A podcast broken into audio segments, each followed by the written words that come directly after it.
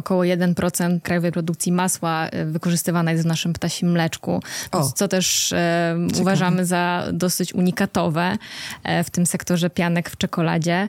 Więc tak zbudowana fabryka z niemal stuletnią historią, jak nasza, znajdująca się w centrum miasta, ma dość ograniczone możliwości mm, oddzielenia. Na wegańską. Tak, na oddzielenia całkowicie produktów odzwierzęcych.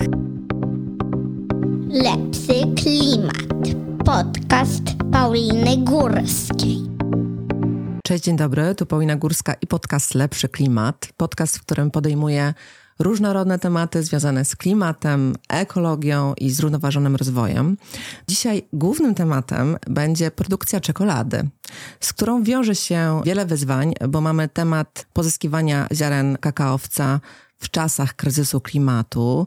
E, mamy oczywiście kwestie i wyzwania społeczne z tym związane. E, porozmawiamy o tym, czy da się robić bardziej zrównoważoną czekoladę i co za tym słowem zrównoważone się faktycznie kryje, bo może kryć się wiele. Kolejnym bohaterem tego podcastu jest Wedel, firma, której korzenie sięgają e, już 1851 roku i który wydał niedawno swój drugi raport zrównoważonego rozwoju. E, I to dlatego będziemy właśnie mówić dzisiaj tyle o kakao i czekoladzie, ale też o tym, jak firma postrzega społeczną i środowiskową odpowiedzialność swojego biznesu. Moją rozmówczynią jest Aleksandra Kusz-Welsobczuk, kierowniczka komunikacji korporacyjnej i ESG Wedlu. Cześć. Cześć, miło mi, witam. Sponsorem e, podcastu jest Wedel. No i chciałabym Wam opowiedzieć o kilku ciekawych faktach na sam początek. Produkty czekoladowe są nimi dzięki kakao. E, w jednej ciemnej tablicy czekolady znajduje się od około 60 do 99% kakao. No i przyjmuje się, że im więcej, tym jest lepiej i zdrowiej dla nas. Według International Cocoa Organization globalna produkcja kakao waha się rocznie w granicach 4-5 e, milionów ton. E, krajami, gdzie najwięcej pozyskuje się ziaren kakaowca jest wybrzeże Kości Słoniowej i Ghana i one stanowią praktycznie dwie trzecie tego źródła surowca.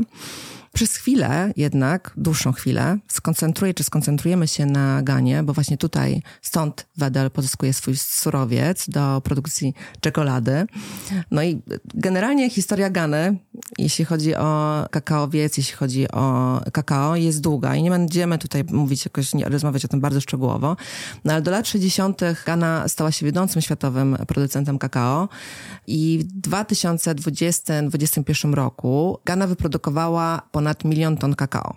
To jest bardzo dużo, więc można z tego wyciągnąć taki wniosek, że sektor kakaowy ma bardzo duże, kluczowe wręcz znaczenie dla gospodarki Gany. I faktycznie tak jest, ponieważ stanowi nawet 15%, to też e, sprawdzałam, są różne dane podawane w internecie, stanowi około 15% dochodu narodowego i obejmuje nawet e, około 800 tysięcy rodzin rolniczych. Więc bardzo, bardzo duża grupa ludzi jest związana z produkcją kakao w Ganie. No i to jest oczywiście aspekt nie tylko ekonomiczny, ale no wiąże się, można tak powiedzieć, z tożsamością taką historyczną, społeczną, ale też przyszłość tego surowca w tym kraju zależy od zmiany klimatu. Jest takie ponoć przysłowie: Gana to kakao, kakao to Gana.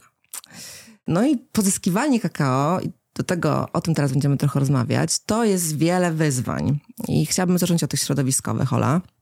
Pierwszy temat to jest klimat. W normalnych warunkach produkcja kakao w Ganie e, nie jest uważana za bardzo taką degradującą środowisko, e, ponieważ ziarna rosną bez nawadniania i potrzebują niewielkiej dodatkowej ilości pestycydów lub herbicydów, ale jak wynika z raportu opartego na danych międzyrządowego panelu do spraw zmian klimatu ONZ, borykamy się z coraz częstszymi suszami, wzrostem temperatur. No oczywiście to jest ta zmiana klimatu, o której tak dużo się mówi i one już teraz wpływają na Afrykę Zachodnią i według różnych szacunków mogą zmienić duże obszary tego regionu w sawannę do 2050 roku. Więc zakładam, że te wyzwania związane z klimatem, ze zmianą klimatu są pewnie poruszane w waszej firmie i jestem ciekawa, jak wy to postrzegacie. Jak widzicie przyszłość produkcji czekolady, biorąc pod uwagę no właśnie zmianę klimatu, tak e, zmiana klimatu wpływa na kakaowiec.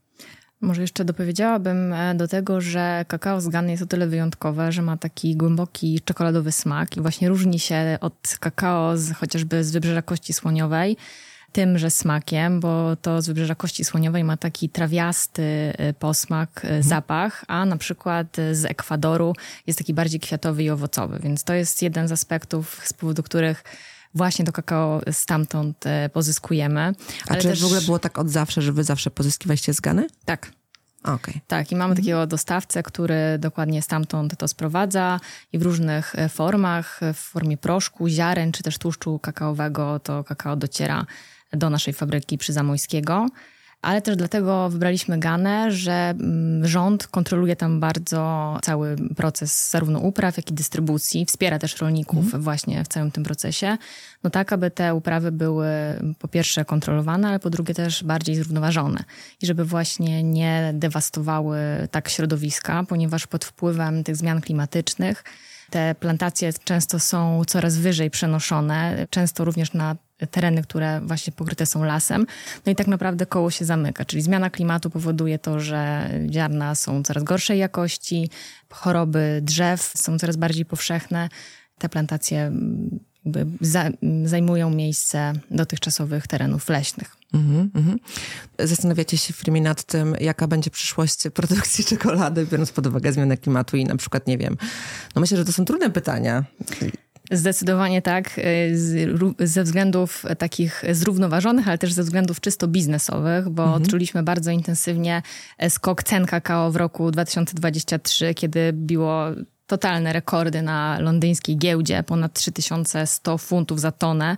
To jest największy rekord od około 50 lat i widać było, że bardzo jasno klimat związany jest jednak z tym, czy surowiec jest dostępny i właśnie w jakich, mhm. jakich cenach oscyluje. No i tutaj mogę powiedzieć o prognozach na rok 2023-2024 i ogromnym wpływie zjawiska El Niño, który właśnie w tej strefie równikowej Pacyfiku będzie wpływał na ziarna kakao i który, co ciekawe, w różnych miejscach na świecie może różnie wpływać na te uprawy kakaowca. I tak na przykład w Afryce Zachodniej będzie wpływał na to, że będzie mniej opadów, e, będą silne wiatry z Sahary, które zrywają i dewastują, niszczą po prostu te plantacje, a na przykład w Indonezji będą to y, susze.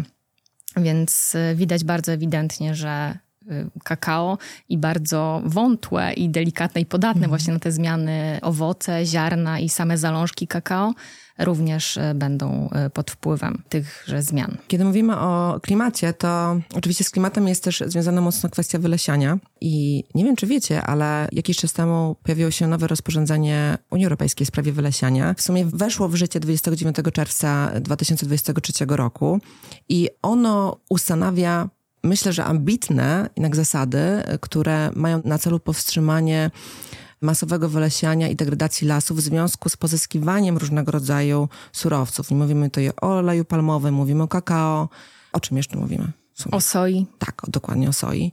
Więc jest trochę tych surowców, które wiemy, że ich pozyskiwanie ma wpływ na wylesianie. Przede wszystkim mówi się o wylesianiu w kontekście soi, wydaje mi się, nie? Amazonia. Ale jestem ciekawa, jak Wedel postrzega ten temat i czy wy, pozyskując taki surowiec z Gany, macie jakąś pewność, że nie przyczynia się to pozyskiwanie do, do wylesiania. Jak też e, chcecie się przygotować do tego rozporządzenia, bo z tego co wiem, chyba poszczególne kraje Unii Europejskiej mają jakiś rok na to, żeby się dostosować do tych nowych zasad. Więc jakbyś mogła opowiedzieć. Tak, na razie jesteśmy w blokach startowych i w, w, takim stałym dialogu z dostawcami, bo wszyscy czekamy na tak naprawdę zejście tego prawodawstwa unijnego na na poziom tutaj Polski i na też wyznaczenie podmiotów, które będą to kontrolowały e, i też rejestrowały w systemie, bo założenie tej, e, tego rozporządzenia polega na tym, że firmy w całym łańcuchu dostaw będą rejestrowały zakupy i też później przetwarzane te surowce, które są zarówno wprowadzane na rynek mhm. Unii Europejskiej, jak i później z nich eksportowane. Więc każda z firm powinna określić swoją rolę e, w tym łańcuchu dostaw i tak naprawdę obowiązki, które z tej roli czy jest ona podmiotem, czy jest ona importerem, czy eksporterem. Obowiązki e, na dzisiaj skupiają się głównie na tym, żeby kontrolować właśnie dostawców e, pod kątem pochodzenia mhm. danych surowców. W przypadku wedla jest to właśnie soja, jest to olej palmowy i kakao. A później weryfikować, w jaki sposób one zostały pozyskane i czy nie zostały pozyskane z terytoriów wylesionych od roku 2020, więc jest to mhm. też bardzo precyzyjnie określone.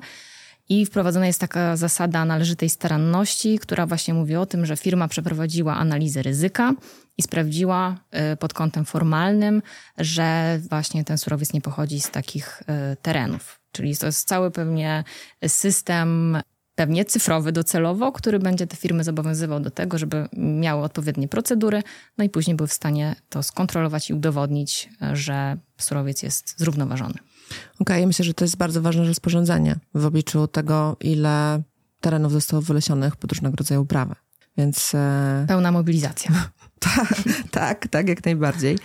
Kiedy mówimy o Ganie, to trudno by było nie poruszyć jeszcze tematu kwestii społecznych, ciężko będzie omówić wszystkie aspekty i to tak sobie myślę, że to jest w sumie takie delikatne trochę stwierdzenie, no ale mamy tutaj dużo wyzwań też. Według raportu Oxfam z maja tego roku wielu z 800 tysięcy farmerów, e, czy też rodzin rolniczych w Ganie nie zarabia więcej niż 2 dolary dziennie. Z innego badania, które dotyczyło, czy też pokazywało stan sprzed prawie 10 lat, 27% rolników, którzy uprawiają ziarna kakaowca, zarabia poniżej tak zwanego living wage. I to trochę taka analogia do mm, branży odzieżowej, o której się mówi o wiele, wiele więcej, a gdzie przecież produkowane są ubrania w, e, również w krajach rozwijających się. No i bardzo wiele osób, które pracuje w tej branży tam, no, zarabia tyle, że i tak nie starcza na przykład na lekarza, na edukację dzieci, na godne życie. I tutaj to mam na myśli, kiedy mówimy o living wage. Okazuje się, że w różnych innych obszarach z których my korzystamy też jako konsumenci, tutaj mówimy o czekoladzie akurat, też mamy podobne problemy. Nie? Czyli mamy rolników, którzy gdzieś na drugim końcu świata zajmują się tą uprawą, ale też nie zarabiają wystarczająco dużo. Drugim tematem są dzieci, i też wykorzystanie pracy dzieci, ona ma różne oblicza, też pewnie na sam ten temat można byłoby nagrać oddzielny podcast, no ale na farmach pracują całe rodziny i dzieci są włączane w część tego procesu uprawy. To jest bardzo ważne też pytanie dla mnie, myślę. Jak wy postrzegacie swoją odpowiedzialność w tym temacie w obliczu tylu różnych wyzwań społecznych, które są związane z uprawą kakaowca w Ganie? My podejmujemy działania społeczne za pośrednictwem e, Fundacji Omena Foundation, e, która kilka lat temu e, zainicjowała powstanie szkoły. My przyczyniliśmy się do budowy tej szkoły w ganijskiej temie i ona właśnie stara się rozwiązywać te problemy głównie edukacyjne dla dzieci, które doświadczają przemocy, tak zwanych dzieci, dzieci ulicy, które w tej szkole tak naprawdę uczą się bardzo podstawowych rzeczy. Jesteśmy w stałym kontakcie z edukatorką, która jest tam na miejscu, zdaje nam ona relacje z tego, jak te lekcje przebiegają. Bardzo często my nawet chcąc zorganizować wolontariat pracowniczy i połączyć się wirtualnie mhm. z tymi dzieciakami, no okazuje się, że y, ta bariera językowa też nie jest do przeskoczenia. Staramy się identyfikować bardzo konkretne e, problemy, bardzo konkretne zjawiska społeczne i na nie odpowiadać. I też z naszym dostawcą, z którym współpracujemy już od wielu lat, on sam podejmuje bardzo aktywne działania w tym rejonie. Co też warto zaznaczyć, że E, większość producentów, e, którzy pozyskują surowiec z Gany, próbuje w jakiś sposób odpowiadać na wyzwania zarówno klimatyczne, jak i społeczne poprzez programy, które są projektowane e, wraz chociażby z jednostkami certyfikującymi czy z fundacjami, ale też wdrażając standardy międzynarodowych certyfikacji. I takim przykładem jest również certyfikat Rainforest Alliance, który został wprowadzony przez naszą firmę w tym roku. Mhm. Co to znaczy dla takiego standardowego, nie wiem czy to jest dobre słowo, konsumenta, który idzie do sklepu e, większego czy mniejszego i chce kupić czekoladę, ponieważ kocha jeść czekoladę? E, I zastanawiam się, co on faktycznie może zrobić, żeby lepiej wybierać, bo Rainforest Alliance to jest konkretny certyfikat, który też konkretnie wygląda. To jest taka żabka, nie? Czyli to oznacza, że jeśli wy zaczęliście korzystać z tego certyfikatu, to na, zakładam, że pewnie jeszcze nie na wszystkich, tylko na części waszych produktów już jest ta żabka, nie? Ale na co się to przekłada w rzeczywistości? Myślę, że taki konsument ma nie lada wyzwanie, żeby się nie pogubić w tych wszystkich certyfikacjach w sklepie. Mhm. E, no i żabka jest już takim dosyć znanym znaczkiem, który pojawia się zarówno na produktach z kakao, jak i też na przykład z kawą. I oznacza to, że surowiec wykorzystany do produkcji pochodzi ze źródeł zrównoważonych. No i teraz Czymże jest to zrównoważenie? No z jednej strony to jest poszanowanie dla środowiska, czyli że uprawy danego surowca nie degradują tego środowiska, y, też są przyjazne dla lokalnych społeczności, czyli że na przykład nie zatruwają wody, z których te społeczności korzystają, ale akurat ten konkretny standard Rainforest Alliance bierze pod uwagę również kwestie społeczne i jakby weryfikuje je w całym łańcuchu dostaw. Czyli z jednej strony są to bardzo restrykcyjne wymagania dla plantatorów, a później też dla kolejnych podmiotów, które to kakao przetwarzają. I my, e, wdrażając ten standard u siebie w firmie, musieliśmy również przejść taki audyt, który weryfikował kwestie społeczne w samej e, naszej organizacji. Jest to weryfikowane w całym e, łańcuchu dostaw. Okej, okay, czy rolnicy, którzy są powiedzmy w tej, nie wiem, sieci czy stowarzyszeniu, które dostarcza swój surowiec w ramach certyfikatu Rainforest Alliance, dostają większe wynagrodzenie? aniżeli pozostali? To jest tak, że działa to na, na zasadzie obopólnych korzyści, czyli z jednej strony ci plantatorzy muszą spełnić te restrykcyjne wymagania, które narzuca na nie standard, mhm. ale z drugiej otrzymują wsparcie w postaci edukacji, w postaci regularnych szkoleń i to jest tak, że Fundacja Rainforest Alliance również y, jakby zwiększa opłatę zakupu surowca, który zostaje przekazany i na chociażby walkę właśnie z ubóstwem, czy na te programy edukacji. Okej, okay, czyli dla takiej firmy jak Wedel to oznacza, że wy kupujecie ten surowiec drożej? Aniżeli tak. ten, nie wiem jak nazwać, konwencjonalny. Niecertyfikowany. Niecertyfikowany, tak. To już teraz jak mamy samochody, samochody elektryczne i samochody spalinowe, to już się mówi konwencjonalne. I teraz jak z certyfikatem i konwencjonalny produkt. Nie wiem, czy to jest w ogóle, w głowie mi się tworzy, wiesz, takie automatyczne porównanie. Nie wiem, czy prawidłowe w sumie.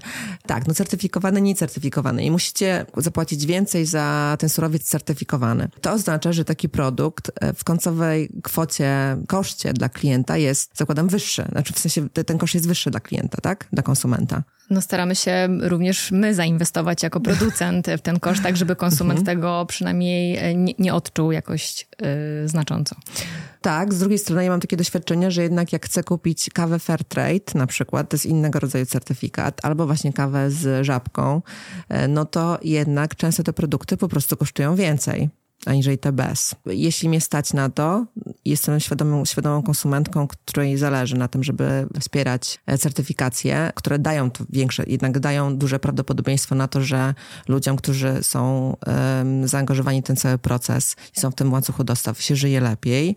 I znowu to jest jakieś uogólnienie. Mogłybyśmy poświęcić oddzielny pewnie odcinek na temat samych certyfikatów, czy jednego tego certyfikatu, ale no końcowa cena jest wyższa. Zastanawiam się, czy wy postrzegacie certyfikację też jako coś, co ma być docelowym rozwiązaniem dla wszystkich waszych produktów i czy nie macie takich obaw na końcu tych rozmyślań, jednak czy polskie społeczeństwo jest gotowe na to, żeby zapłacić więcej za takie produkty?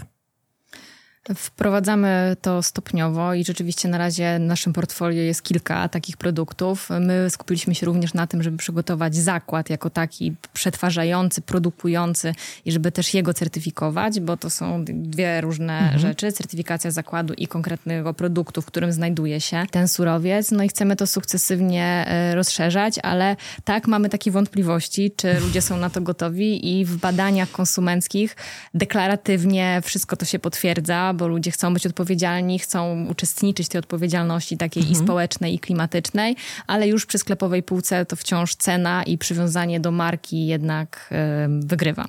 Mam nadzieję, że to się zmieni, ale też bardzo dynamicznie się ta sytuacja w tą stronę kieruje. Mhm. Ja myślę, że to jest super ważne. Trzymam kciuki za to, e, żebyście mieli większość produktów w swojej ofercie certyfikowanych. Nie? Myślę, że to byłaby duża pozytywna taka zmiana na rynku.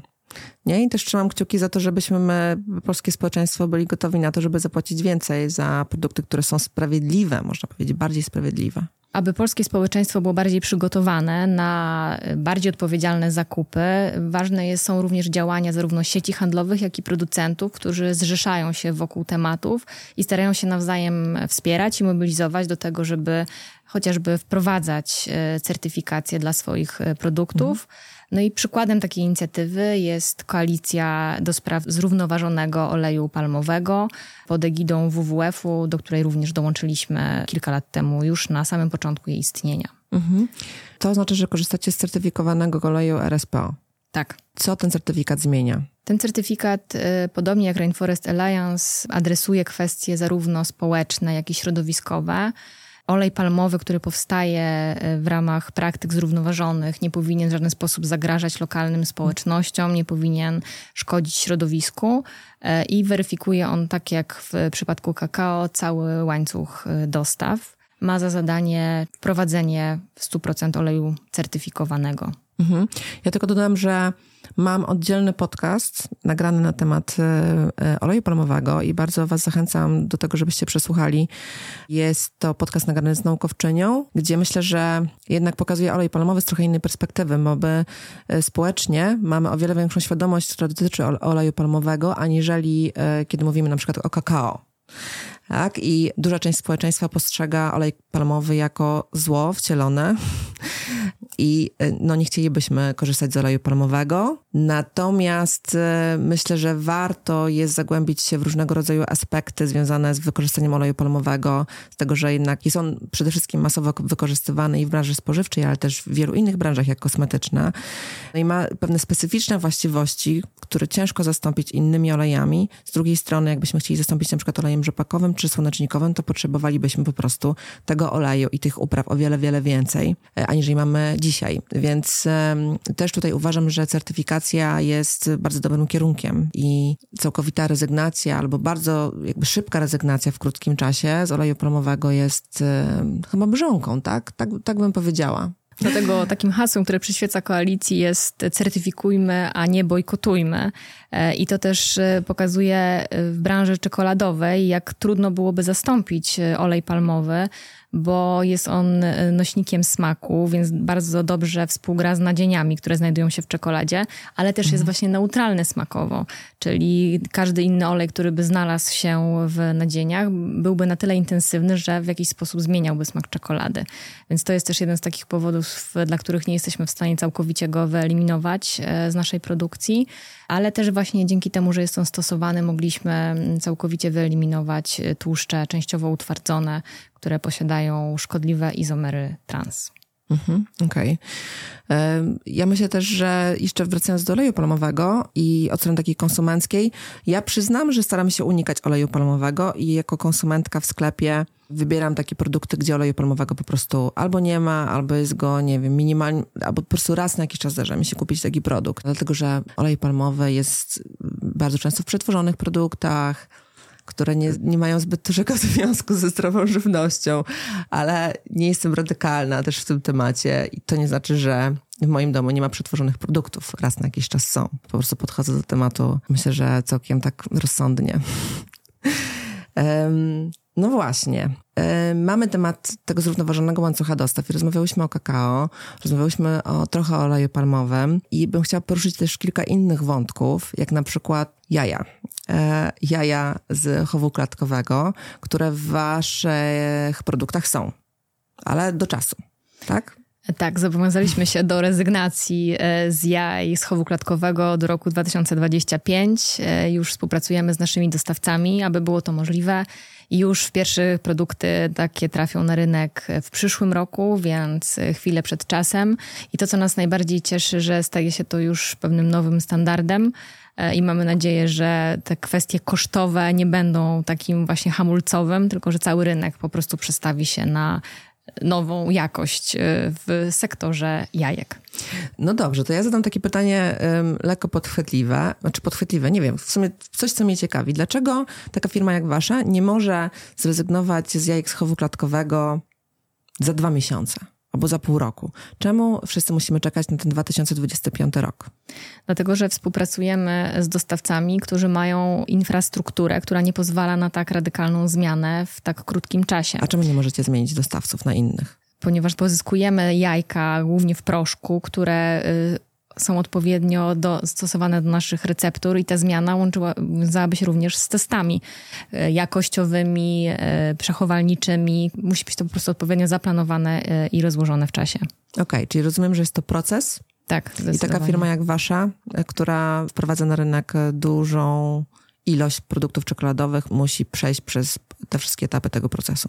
Tak, i podobna kwestia dotyczy chociażby opakowań, e, ponieważ my nie możemy sobie jako branża spożywcza pozwolić na e, zmianę, która chociażby w jakiś sposób zaburzy jakość albo zaburzy termin przydatności, który jest bardzo też istotny dla nas zarówno na rynku krajowym, jak i na rynkach eksportowych. No bo wiesz, i konsumenci by chcieli, żeby te zmiany, ja też bym chciała, bo, jestem, bo moje serce jest bardzo po tej stronie, jednak e, chcieliby, żeby te zmiany nastąpiły tu i teraz, jak najszybciej, że no właśnie rezygnacja z jajek z chowu klatkowego najpierw jak najszybciej, rezygnacja z plastiku albo zastąpienie plastiku właśnie jakimiś innymi e, materiałami, które są lepsze dla środowiska.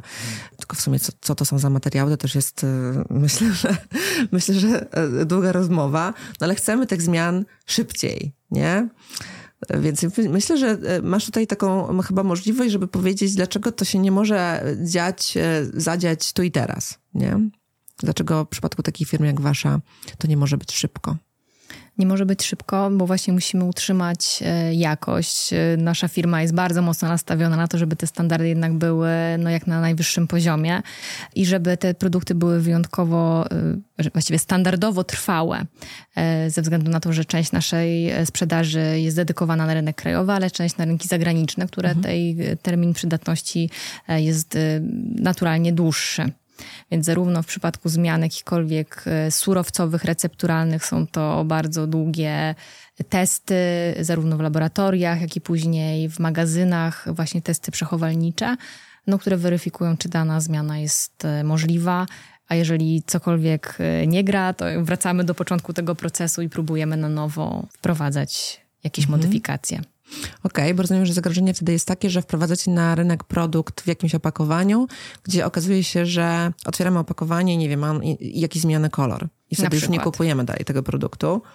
Okej, okay, więc jest to zagrożenie też dla biznesu. Albo w transporcie zostaje ono zniszczone, bo na przykład mhm. jest cieńszy ten plastik, albo są rogi nie tak zawinięte i powoduje to, że torcik, mhm. który jest w środku jest przygnieciony. Więc to są dużo takich niuansów, e, które e, no, są również uzależnione od e, logistyki. Okej, okay. kolejny temat, który mnie ciekawi, to jest temat plant-based czekolad i wegańskości i tego, jak wy widzicie zmianę w ofercie właśnie mm, w kontekście produktów, które są bez wykorzystania składników czy surowców, składników odzwierzęcych. Nasza produkcja bazuje na składnikach również e, odzwierzęcych. E, około 1% krajowej produkcji masła e, wykorzystywana jest w naszym ptasim mleczku, o, co też uważamy za dosyć unikatowe w tym sektorze pianek w czekoladzie.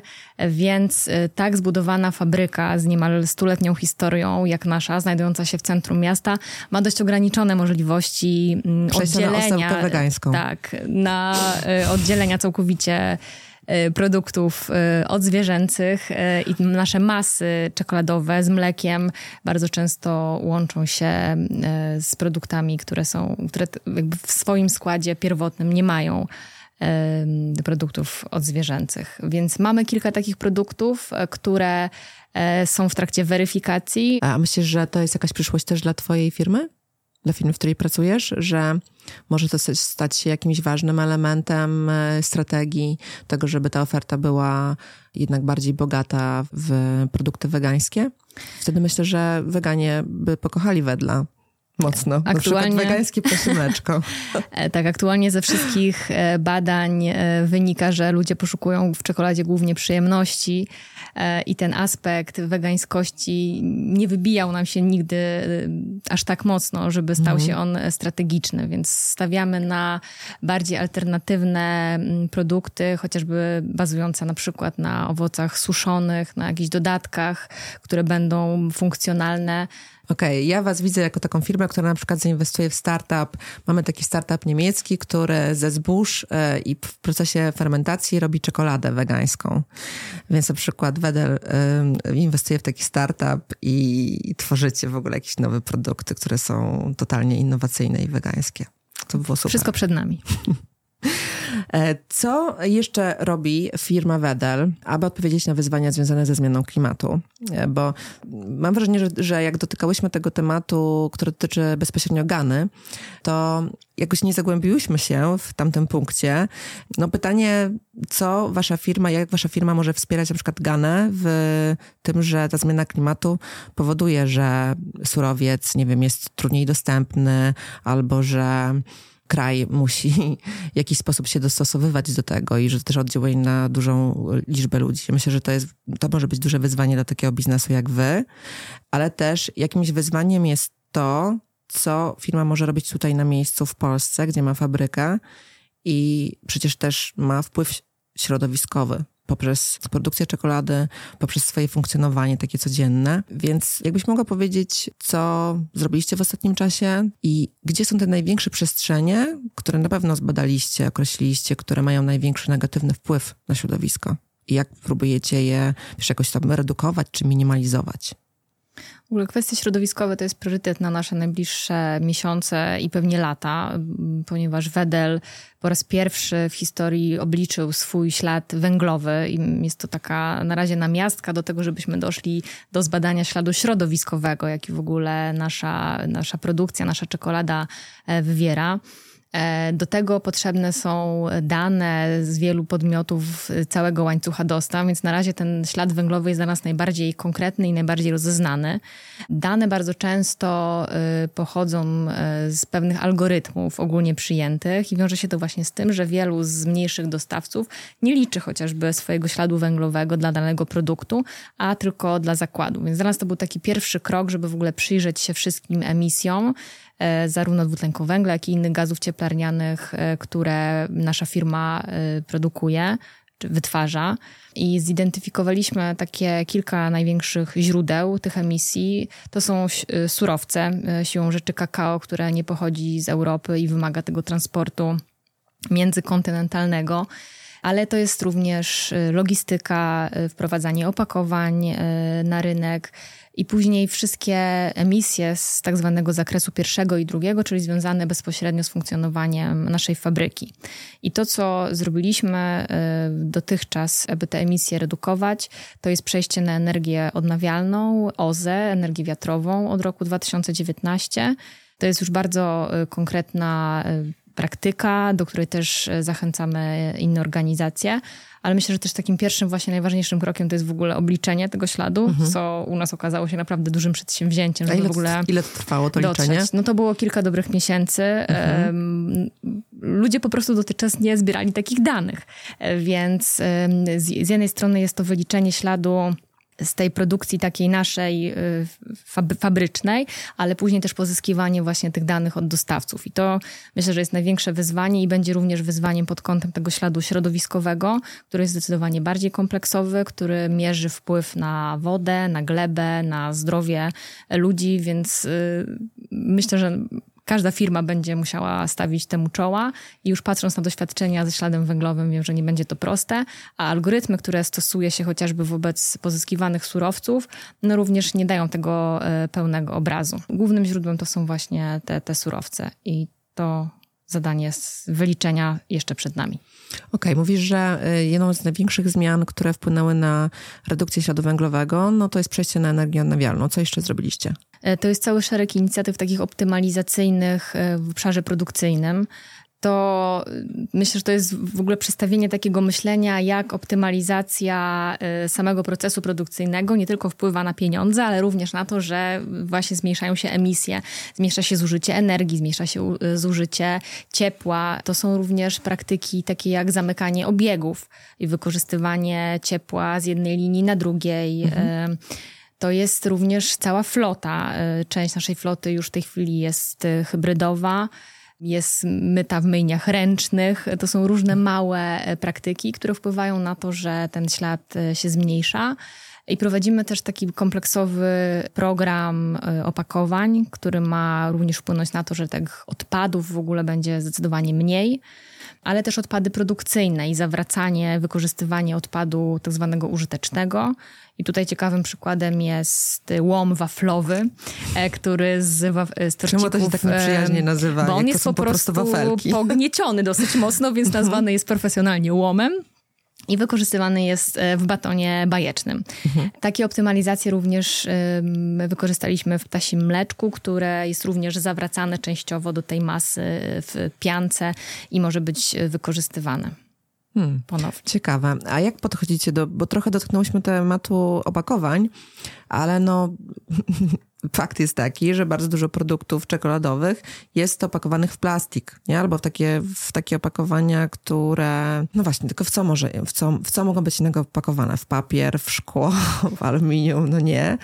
Papier być może tak, ale i zawsze ten papier tak musiałby być pokryty jakąś taką warstwą, która będzie chroniła e, produkt, więc ostatecznie to nie może być potem wyrzucone do papieru, tylko pewnie to jest takie wielomateriałowe opakowanie.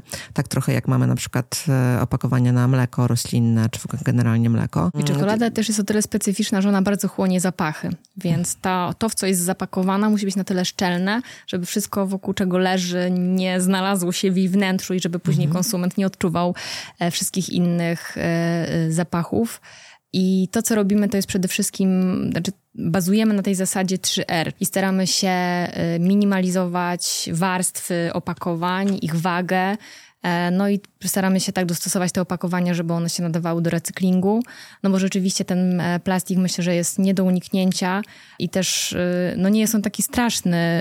Mogę tutaj podać przykład kubeczków, które są używane w samolotach i które jakby się je zamieniło na szklane, no wówczas mhm. zwiększyłyby wagę samolotu i docelowo zwiększyłyby również ślad węglowy, które te samoloty wytwarzają, a dodatkowo trzeba byłoby je umyć, więc nie jest to takie zero-jedynkowe rozwiązanie.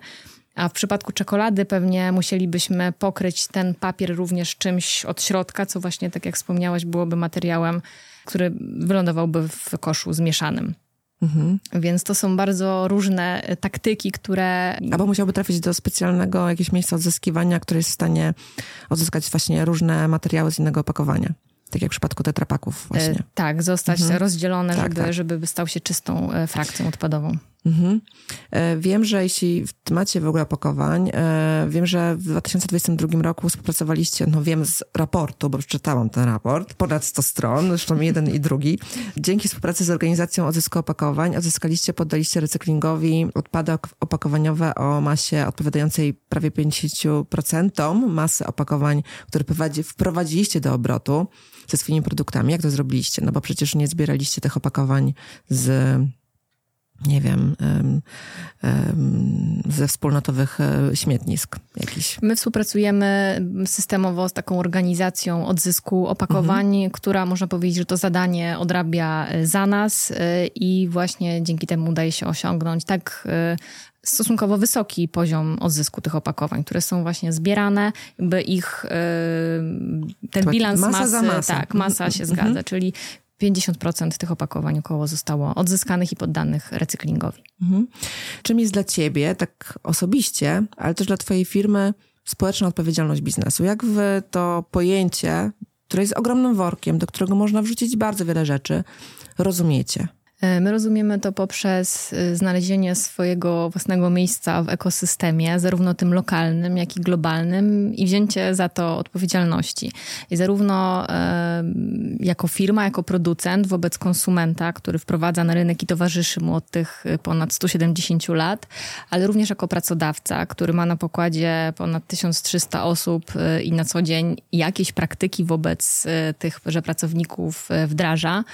E, ale także odpowiedzialność jako sąsiad, który funkcjonuje już też od ponad, od niemal 100 lat na, na warszawskiej e, Pradze i stara się animować tą społeczność lokalną, stara się być sąsiadem współpracującym i wspierającym. No jakim sąsiadem jesteście? W sensie, w czym się to objawia? No my bardzo aktywnie angażujemy się w te działania lokalne. Od kilku lat już wspieramy y, lokalny park Skaryszewski, organizując tam na przykład bieg wedla, e, zrzeszający około tysiąca osób e, co roku, którzy biegają wokół tego parku. Rewitalizujemy zieleń wokół tego parku w ramach takiego projektu Ogrody Polsko-Niemieckie, ale również wspieramy wiele takich lokalnych y, projektów, y, rozszerzając właśnie o tą lokalną odsłonę nasz program grantowy Wedel od Serca, gdzie y, NGOsy praskie, lokalne mogą dostać dofinansowanie i na przykład zorganizować potańcówkę dla seniorów albo różne takie międzypokoleniowe e, wymiany.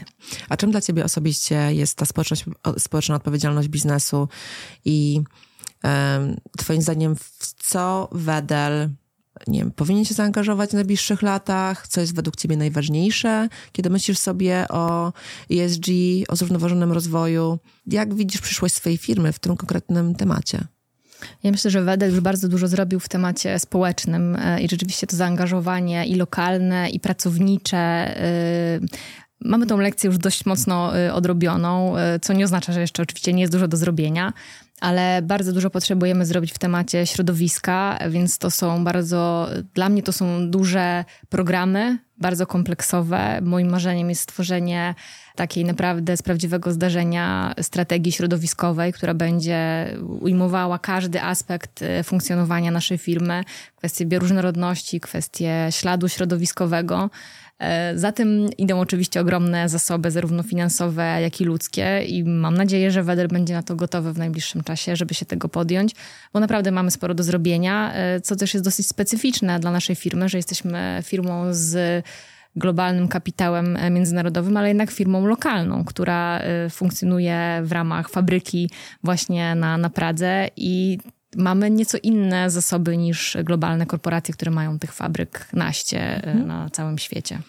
Tak, ale myślę, że ta, ta różnica też może być waszą silną stroną, taką mocą trochę, nie? W no mam taką wielką nadzieję. Dobrze, myślę, że na tym możemy skończyć. Bardzo Ci dziękuję, Ola, za, mm, za tą opowieść. Um, I um, no myślę, że to jest bardzo ciekawe, jak taka firma, która um, ma tak długą historię, która produkuje czekoladę, a surowiec pozyskuje z kraju rozwijającego się, jak podchodzi do kwestii i społecznych, i też środowiskowych, ale też i tam, i tutaj w Polsce. Więc powodzenia Wam życzę w tym dalszym rozwoju w tych tematach.